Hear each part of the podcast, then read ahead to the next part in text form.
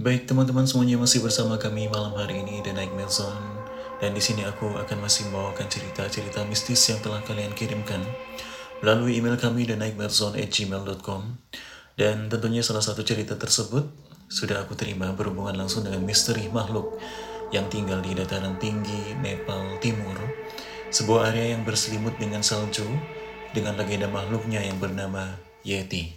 Baiklah, akan langsung aku bacakan saat ini juga. Mengungkap asal usul Yeti, Anda kemungkinan dapat membayangkan Yeti, bahkan jika Anda belum pernah mengunjungi Himalaya, mulai dari Scooby-Doo sampai Dr. Wu, Tintin, dan juga Monster Inc., Abominable Snowman, sering kali muncul di film, video games, dan juga televisi selama puluhan tahun. Dalam kebudayaan populer, Yeti berbentuk manusia kera berbulu dan berukuran besar. Dengan kaki yang sama besarnya dengan gigi setajam pedang.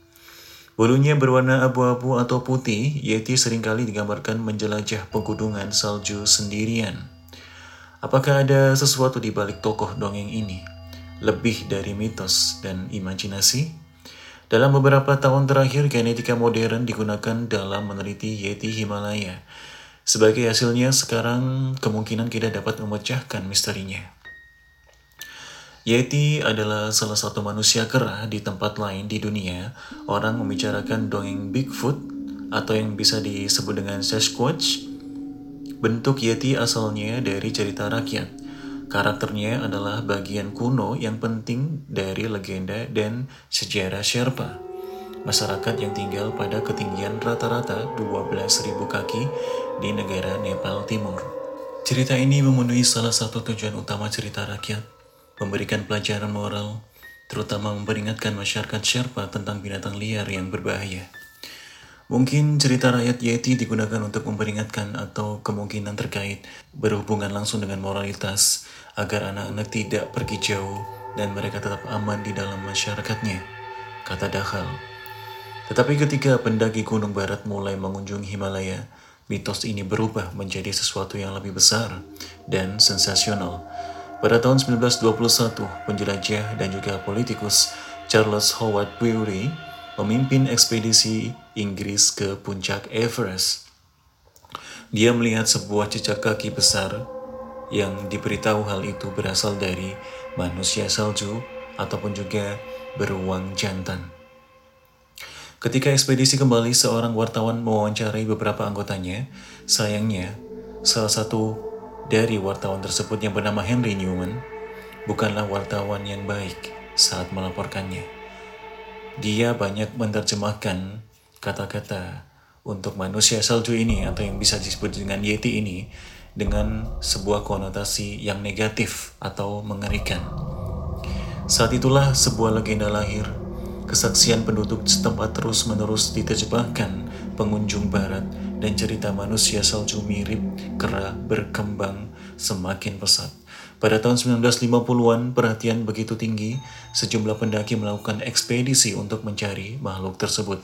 Sejak saat itu terdapat jejak kaki di salju, film amatir, foto kabur, dan kesaksian pendaki gunung, tengkorak yang diduga Yeti telah ditemukan di samping bagian tulang dan juga rambut, tetapi setelah diperiksa sekali lagi, benda-benda ini milik binatang liar lainnya seperti beruang, antelope, dan juga kera.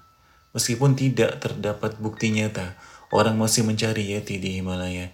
Yeti adalah contoh kriptozoologi, pencarian makhluk yang tidak bisa disebut ada karena kurangnya bukti. Pendaki gunung Reinhold Messner kemungkinan adalah pemburu Yeti yang paling terkenal dia menyatakan telah melihat satu Yeti di Himalaya pada tahun 1980-an dan mengunjungi tempat itu berkali-kali untuk mengungkapkan misteri. Semua jejak kaki Yeti adalah dari beruang yang sama, kata Mesner.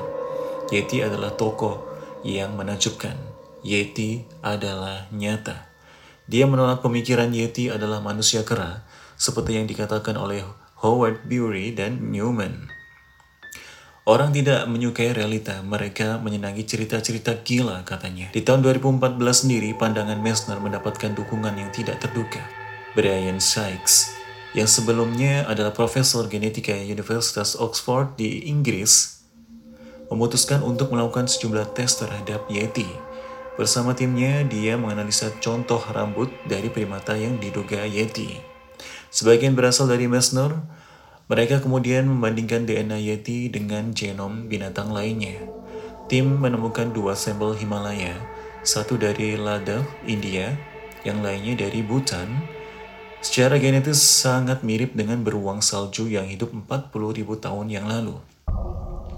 Hal ini mengisyaratkan Himalaya adalah tempat tinggal beruang yang belum diketahui, hibrida dari beruang salju kuno dan juga beruang coklat. Jika beruang ini tersebar luas di Himalaya, mereka kemungkinan menjadi dasar biologis legenda Yeti, tulis tim tersebut. Meskipun demikian, pernyataan ini kemudian dipertanyakan. Beruang salju di Himalaya seperti memang suatu hal yang sangat menarik, kata Ross Bernard dari Universitas Copenhagen di negara Denmark. Ya, berikut ini adalah sebuah rangkuman daripada cerita-cerita yang berkembang tentang asal-usul Yeti sendiri yang katanya berasal dari negara Nepal Timur. Baik, dan itulah cerita yang dapat aku bawakan malam hari ini. Akhir kata, terima kasih sudah mengirimkan kisah ataupun juga artikel melalui email kami, thenightmarezone@gmail.com. Dan aku ucapkan thanks for listening, The Nightmare Zone guys. So, peace out.